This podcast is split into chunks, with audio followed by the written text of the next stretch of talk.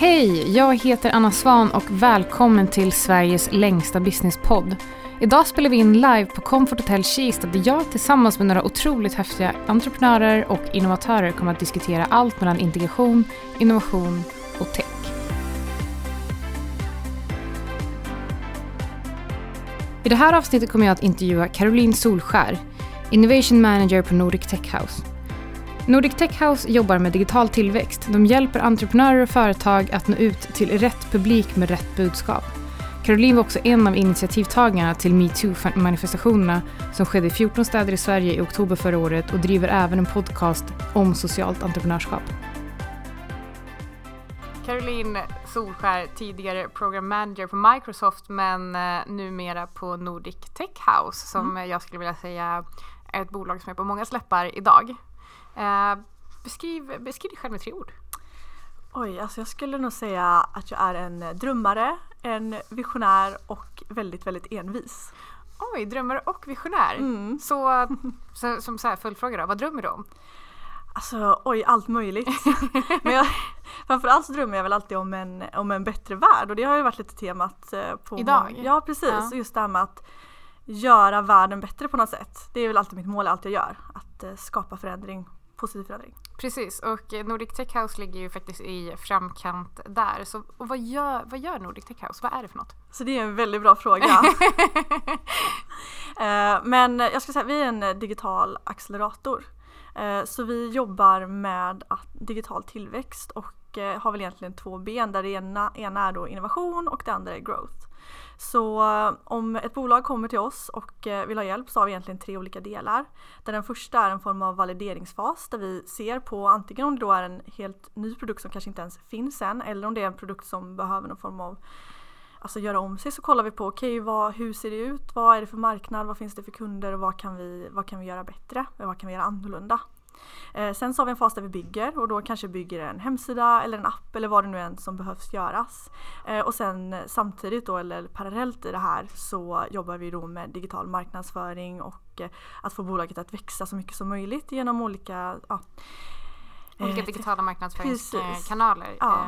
För um, ni har en ganska speciell modell för hur ni investerar i bolag och man skulle kunna likna det vid någon form av konsultbolag fast där där betalningen sker i en del av bolaget. Så att ni är en slags hybrid mellan konsult och eh, investmentbolag skulle man mm. kunna säga. Beskriv, beskriv hur den här modellen fungerar. Ja, alltså enkelt förklarat så är det ju så att eh, när då ett bolag kommer till oss eh, så så gör vi som sagt så, vi validerar caset, ser så här, vad finns det som vi kan göra, vad kan vi hjälpa till med och tror vi på produkten? Och om vi känner att det här är någonting där vi faktiskt kan skapa skillnad och, och faktiskt hjälpa så kommer vi sätta upp då en lista på men de här sakerna kan vi göra och sen utifrån det sätta ett pris på det och sen så får man ju diskutera fram så här okej okay, den här delen betalar vi i equity och den här delen betalas med, med vanligt kapital. Så det är väl egentligen det enklare hur vi gör. Eh, men sen som sagt det, det är ju det roliga i det är just det att man både får hjälp av, vi liksom går in och då kapital, äh, kompetensinvesterar istället och mm. faktiskt kan gå in med riktig expertis och, och verkligen hjälpa till. Och det här tycker jag är jättespännande just det här med att ni går in med kompetens istället för med eh, kapital det här gör ju också att det möjliggör för fler att i framtiden kanske investera på det sättet som ni gör idag. Och när jag pratade med Camilla Wendel innan så pratade vi om alltså problematiken att det inte finns lika mycket kvinnliga investerare som det finns manliga. Tror du att det här kommer bana väg för, för fler som kanske inte är så kapitalstarka men kanske har extremt mycket kompetens inom ett område? Det tror jag absolut. Och man ser ju redan hur det händer om man ser i startups till exempel där man ofta tar in folk och, och låter dem alltså, jobba för en lägre lön men också då få en del i bolaget. Precis. Eh, och där är det lite intressant att det faktiskt har börjat komma bättre liksom, om man ser på att eh, politiskt sett faktiskt mm. har förbättrats på senaste vilket är jätteroligt.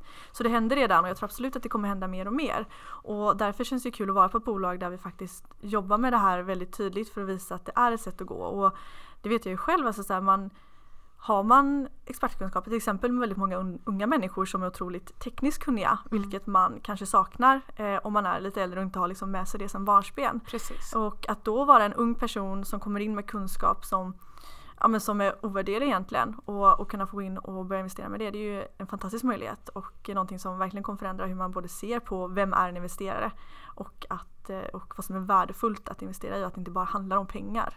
För det här leder ju också till att om man kan, eh, om man kan bygga den här hybriden mellan konsultarbete och eh, ängelinvesterare egentligen så kan man ju också som om man har mycket kompetens inom ett, inom ett område, område allokera sin tid mellan olika bolag och därmed inte bara ta risken i ett bolag. För ni, har ju, ni håller ju på att bygga upp en portfölj av egentligen företag som ni går in operativt i och, och därmed också investerar i, eller hur? Ja, precis. Eh, och vad som är kul och bra med det, det är ju att vi lär oss ju hela tiden mer saker inom det område som vi verkar i. Vilket gör att för varje nytt bolag som vi, som vi jobbar med så lär vi oss mer och vi försöker också, när vi investerar så vår lite, vad ska jag säga, taktik är att vi försöker investera i form av kluster. Mm. Så Förut så fokuserade vi väldigt mycket på hälsa och eh, de flesta av de bolagen vi investerade i var inom health eh, vilket gör att då lär ju vi oss mer om det området också och de bolag vi investerar i kan hjälpa varandra, de kan få utbyte av varandra. Nu har vi mer gått över till, till e-handel och fokuserar på e-handelsbolag vilket gör att både vi blir bättre experter på e-handel vilket är väldigt relevant för oss nu när vi går in i ett nytt stadie där vi kommer fokusera mer på e-handel överlag. Men också som sagt att de bolagen vi jobbar med kan hjälpa varandra. Precis, för det är inte bara så att ni sätter er på en portfölj med massa olika bolag utan ni, jag vet ju att ehm, eh, jag träffade en av, eh, en av er på Nordic House eh, tidigare i veckan på, som satt och jobbade med Upgrade och de skulle jobba med eh, Fitness Collection heter det väl? Mm. Och det gör också att ni skapar en typ av nätverk inom de här, eh, inom, inom de här bolagen vilket gör att de kan växa ännu mer, ännu snabbare. Verkligen. Och sen är det ju också så som, som du själv sa, Nordic är ju lite hypat nu. Det är många som pratar om det vilket gör att vårat nätverk är ju väldigt stort och genom att då bli ett av bolagen som vi investerar i så öppnar det ju väldigt många dörrar till vad man kan få för ja, vilka människor man kan träffa eh, och vilka man kan få hjälp av och sådär. Så det, ja, nej, men det känns jättekul. Det känns som att vi har många olika sätt att hjälpa bolagen på, vilket är jätteroligt. Ja men precis och det leder lite in mig på nästa fråga det här med hur, hur den här typen av kompetensinvestering, hur, eh, hur kan den här leda till ökat engagemang i de här bolagen som ni investerar och fungerar operativt i? Ja, alltså jag skulle säga att om man, man kan se det från de två olika hållen. Det ena är ju då att se oss versus ett eh, traditionellt investeringsbolag. Eh, och där är det just det att vi är ju på plats. Vi sitter, vi sitter ju bredvid de här bolagen och jobbar tillsammans. Vi, vi är i samma båt. Vi mm. Eh, upplever samma motgångar och vi firar samma framgångar tillsammans. Medan man som ett traditionellt investeringsbolag mer sitter och väntar på den här fina rapporten som man får och that's it ungefär. Mm och draget. Men då versus ett vanligt konsultbolag där man inte tänker långsiktigt utan det är väldigt så här: okej okay, just exakt nu har vi fått betalt för att göra den här saken. Och sen så bryr man sig egentligen inte om vad som kommer hända om fem år eller vad det nu kan vara. Och vi har ju då ett såklart mer långsiktigt perspektiv där vi också bryr oss om på ett helt annat sätt att det faktiskt går bra för att det gynnar ju oss på ett helt annat sätt. Så att, ja. Så det blir som eh, dubbla incitament skulle man kunna säga. För jag vet ju att det har varit problematik eh, kring just konsultbolag som, som faktiskt drar ut på tiden för att kunna fakturera fler mm. timmar och därmed tar bolaget som anlitat de här skada. Och med er blir det precis tvärtom. För att det är klart att ni också vill vara så effektiva och så bra som möjligt så att ni kan föra det här bolaget på rätt köl och se till så att de kan växa så snabbt som möjligt och sen gå över och jobba med ett annat bolag. Mm. Eh, så ja, ja. Så det blir dubbel, eh, dubbla incitament. Absolut och överlag, alltså även när vi eh, jobbar med att ta betalt så jobbar vi med vad vi kallar för value-based pricing vilket gör att vi försöker så, så, så gott det går att aldrig ta betalt i timmar. Mm. Utan vi säger att okej okay, det här värdet ska vi skapa och eh, sen får det ta det den tid det tar men vi ska se till att här, ni får ut det här som vi har lovat. Eh, och det tror jag är jätteviktigt just för att det finns så många, precis som du säger, exempel på när du bara blir jättefel med konsulttimmar. Precis. Och vi var inne lite innan på vilka typer av bolag som ni har tittat på innan och sådär. Eh, men vad har ni för kriterier och vilka parametrar är viktiga när ni ska gå in i ett nytt bolag? Ja, alltså först är det lite det här med de här klusterna som vi försöker jobba inom men det är självklart inte liksom någon form av att ah, nu jobbar vi bara med e-handel utan Nej. vi är alltid öppna för, för bolag. Eh, först och främst så kollar vi såklart som vilken investeringsfirma som helst på de här vanliga sakerna. Hur ser teamet ut? Hur ser affärsmodellen ut? Och sådär. Eh, och sen så i vissa fall så är det såklart så att vi kollar på, eftersom Isabella Löwengrip då är ju en av våra ägare och eh, hon har ju en, en kundgrupp som är både väldigt trogen till henne och som också är väldigt specifik. Och om vi då kan hitta en produkt som passar hennes kanaler så är det också jättebra men inte alls liksom nödvändigt. Precis. Men då har vi ju möjligheten att även lägga till det vilket ju såklart gynnar en produkt att få in den, den kanalen. Eh, och sen så, alltså snarare vad vi inte letar efter är nästan lite lättare att se Ja. på. Utan vi letar ju inte efter de här, vad ska man säga, så här, personer som bara tycker det är coolt att vara entreprenör Nej. och bara har en idé och kanske till och med tänker att ah, men jag har den här idén och så kan ni komma in och liksom typ driva bolaget och så kan jag bara stå där och ta lite cred och, Ja. och kalla mig för att kalla mig själv entreprenör. Ja. Utan det absolut viktigaste för oss är att vi säger att okej, det här är en person som är engagerad, som har tänkt till, som har försökt själv och liksom tagit det så långt det går och nu behöver vår hjälp och där det är relevant för oss. Sen så kollar vi också, vi vill ju alltid ha folk som är otroligt kunniga inom ett område för vi vill ju att det ska komma människor med kunskap som inte, inom områden där vi inte kan, ta Precis. hälsa till exempel. Mm. Vi, vi är ju inte utbildade liksom inom medicin eller läkemedel eller någonting. Utan de som vi då valt att gå in och, och jobba med där, det är ju människor som är otroligt duktiga och kunniga på, eh, på sina områden. Eh, och vilket gör att vi kommer in med vår expertiskunskap och så kan man mötas någonstans på mitten. Så vi vill ju till exempel inte ha någon som är bra på samma saker som oss utan att man liksom tillsammans kompletterar varandra. Precis, så ni letar framförallt då efter mycket synergieffekter bland de bolag som ni redan har investerat i och sen ser hur, eh, hur den kunskap som de här entreprenörerna redan har, hur det kan matcha det ni saknar då kanske. Ja, ja men verkligen. För för oss är ju alltså samarbetet är ju nästan det viktigaste. Det här att vi kan känna att vi jobbar tillsammans, att vi blir ett team, vi kompletterar varandra. Får du säga någonting om bolagen som ni har investerat i idag eller är portföljen stängd och hemlig? Eh, jag tror att jag eh, inte ska säga så Nej. mycket om dem. jag Nej men då lämnar vi vet det. inte riktigt vad jag får Nej men då, då lämnar vi den frågan. Men däremot så skulle vi kunna prata om det här som vi diskuterade innan, det här med att bana väg för unga och skapa en större arena för investerare på olika nivåer. Hur viktigt är det med diversifiering på Nordic Tech House? Är det något som ni tittar på i bolagen? Först och främst när vi tittar på ett bolag så kollar vi ju på idén. Eh, sen är det självklart så att eh, mångfald och, och, och så vidare är jätteviktigt för oss. Alltså på en, alltså vi alla uppskattar det och vi är ju själva ett bolag som har väldigt mycket mångfald. Eh, och det är klart att både saker som kön, var man kommer ifrån och också var i Sverige man sitter. Att ett, man vill ju inte bara fokusera på till exempel Stockholm vilket det lätt kan bli för många för att det är här man träffar liksom alla och så. Eh, Så, så mångfald är otroligt viktigt för oss men ännu viktigare är idén och att vi, vi skulle aldrig investera i någonting bara på grund av att så här, ah, men, oj nu var det två män som heter Anders och liksom Nej. så här, utan en bra idé är liksom det vi fokuserar på. Så en bra idé tillsammans med ett eh, motiverat team som, eh, som eh, Precis, verkligen. kompletterar era kunskaper med andra Oh, ja. Men sen så är det också viktigt att tillägga att mångfald skapar ju bra team och skapar ju bra idéer. Så är det ju, det kan man ju inte liksom undgå utan det är ju där magi skapas när det kommer olika människor från olika bakgrunder med olika upplevelser och som tillsammans gör någonting. Vi var inne lite tidigare på, du sa att ni hjälper bolagen att växa genom till exempel den här digitala närvaron i, när det kommer till marknadsföringen. Mm. Men ni jobbar också med innovation. Mm. Och på vilket sätt gör ni det? Alltså det gör vi framför allt i början. Så när ett projekt kommer in då så gör vi olika design sprints eh, som man kan beskriva som olika workshops där vi då försöker hitta framförallt okej vad finns det för marknad, vad, vilka är kunderna och eh, på olika sätt genom user testing validera och se så här är det här okej det här är idén men är idén så bra som den kan bli eller behöver vi liksom twista den eller göra den annorlunda eller kommer den helt enkelt inte funka.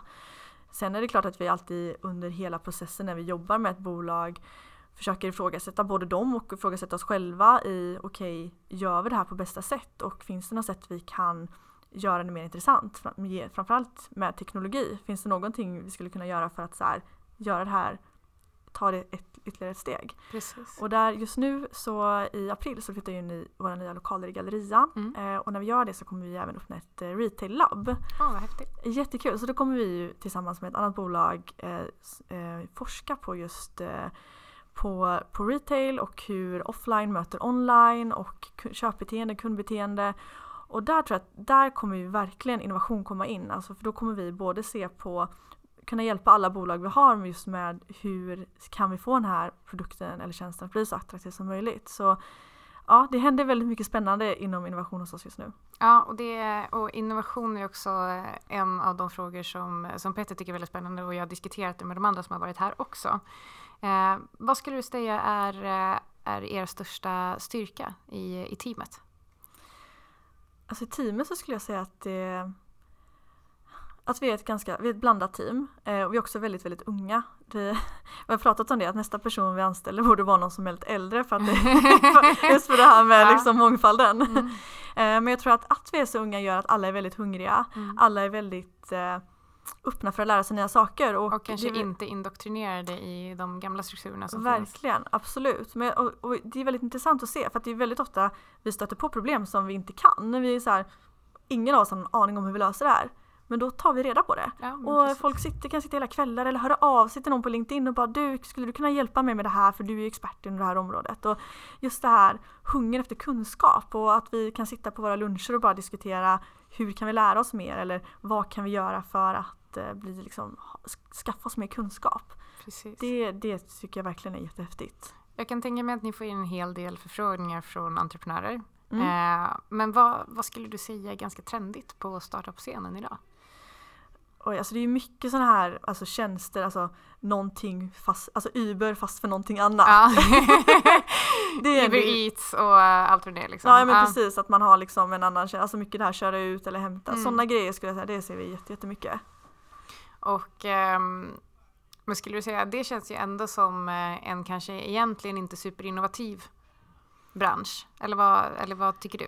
Nej, alltså eller det, beror så här, det är klart att det finns men jag kan överlag när någon säger att vi är som det här Mm. fast i en annan bransch Mm. så kan man direkt bli lite trött för man bara ja ja. Hitta, en, annan- eller hur, hitta en annan pitch. Ja men precis, för det finns, eh, det finns 500, 500 bolag per unik idé så, så ja. Verkligen, och jag menar allting handlar ju om hur man lägger fram det och det är väl också Mm. alltså, så här, jätteviktigt när man hör av sig till en investerare att man, hur presenterar jag min idé? ja För någon som inte känner mig som bara kommer läsa det här mejlet, alltså som det första Ja. man säger. Men vad skulle du säga är ditt bästa tips då till någon som vill höra av sig till er? Vad, hur, ska de, hur ska de presentera? För att jag får ofta förfrågningar, jag investerar ju också i startups, Mm. och jag får ofta förfrågningar från folk som säger hej kan jag få ta en kaffe med dig så kan jag berätta om min idé? Kan du skicka mer info först? säger jag och de bara nej det är hemligt. Jag bara Mm. då tänker jag inte avsätta Nej. en timme av min tid för att diskutera någonting med dig som jag inte vet om det är intressant för mig eller inte. Så vad skulle du säga är liksom det största misstaget som, eh, som eh, entreprenörer gör när de, eh, när de försöker nå ut till er? Mm, jag tror Det kanske har med det att göra också. Ja, alltså ett problem som jag ofta ser det är att man gör det för rörigt. Ja. Att man, som sagt, man kanske inte man har massa idéer och man kanske faktiskt inte har kommit så långt än utan det kanske bara är en idé i huvudet. Och det är klart att om man bara har en idé och bara vill liksom bolla den med någon som är kunnig då är det en sak. Men att höra av sig till ett investerare liksom, för att någon ska investera i en när man bara har en ett problem som jag kan känna med att entreprenörskap har blivit så hypat, det är jätteroligt och det är kul att alla vill vara entreprenörer. Men problemet blir att väldigt många tror att det är så lätt. Att ja, men jag får en idé och nu har jag en idé så nu kommer folk bara kasta pengar på mig och så kan jag bara luta mig tillbaka och behöver inte göra någonting mer. Så är det ju inte. Att vara entreprenör är jättetufft, det är jättejobbigt, man måste slita, man måste kämpa. Och, Det är verkligen blod, svett och tårar. Oh ja, och det är ju det man vill se. Om någon hör av sig till mig och, och berättar om sin idé så vill jag ju höra vad har du gjort? Mm. Vad, liksom, hur långt har du kommit? Hur mycket har du kämpat? Vad, liksom, hur har du validerat att det här är någonting som någon annan än du vill ha? För det är också så här, man berättar för mamma, man berättar för bästa Ja, kompisen och de Och de bara bara jättebra. Och sen så är- målar de upp någon prognos för hur mycket de ska tjäna Ja. 2021 och så är det liksom så här jättebrant. Man Eller bara, hur? tänkte du där?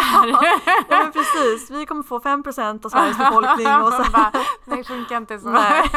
Hur ska ni nå dit? Ja men eller hur, Ja. så att man visar att man faktiskt har gjort allt det hårda arbetet. Mm. För det är ju det det handlar om. Har man ju, alltså så här, tror man själv på det? Har man själv investerat någonting i det? Liksom, vad, Precis. liksom, vad, Vilka incitament har man själv? Ja, verkligen. Och sen så försöka hitta vad är det som gör att du sticker ut. Även som sagt, det finns ju många gånger idéer som, alltså det är inte första gången som idén har kommits på. Eh, men det, det är liksom, säg Spotify, det är klart att det fanns andra Spotify innan Spotify men Spotify lyckades. Vad gjorde att de lyckades till exempel? Eller Mm. Karma, alltså, jag vet inte, det är också så här, hur många gånger har man inte hört vi ska göra en app för att liksom spara på Slim mat. Ja, precis, precis. spara matrester. Ja. Det är ju en jättebra idé men vad var det som gjorde att Karma lyckades med det? Exakt. Det är ju så här, vad är det som gör att just jag med just den här idén Precis. kommer lyckas? Och jag tror, eh, det tror jag är eh, jätte, jätteviktigt. Och för att runda av innan jag ska träffa Emelie.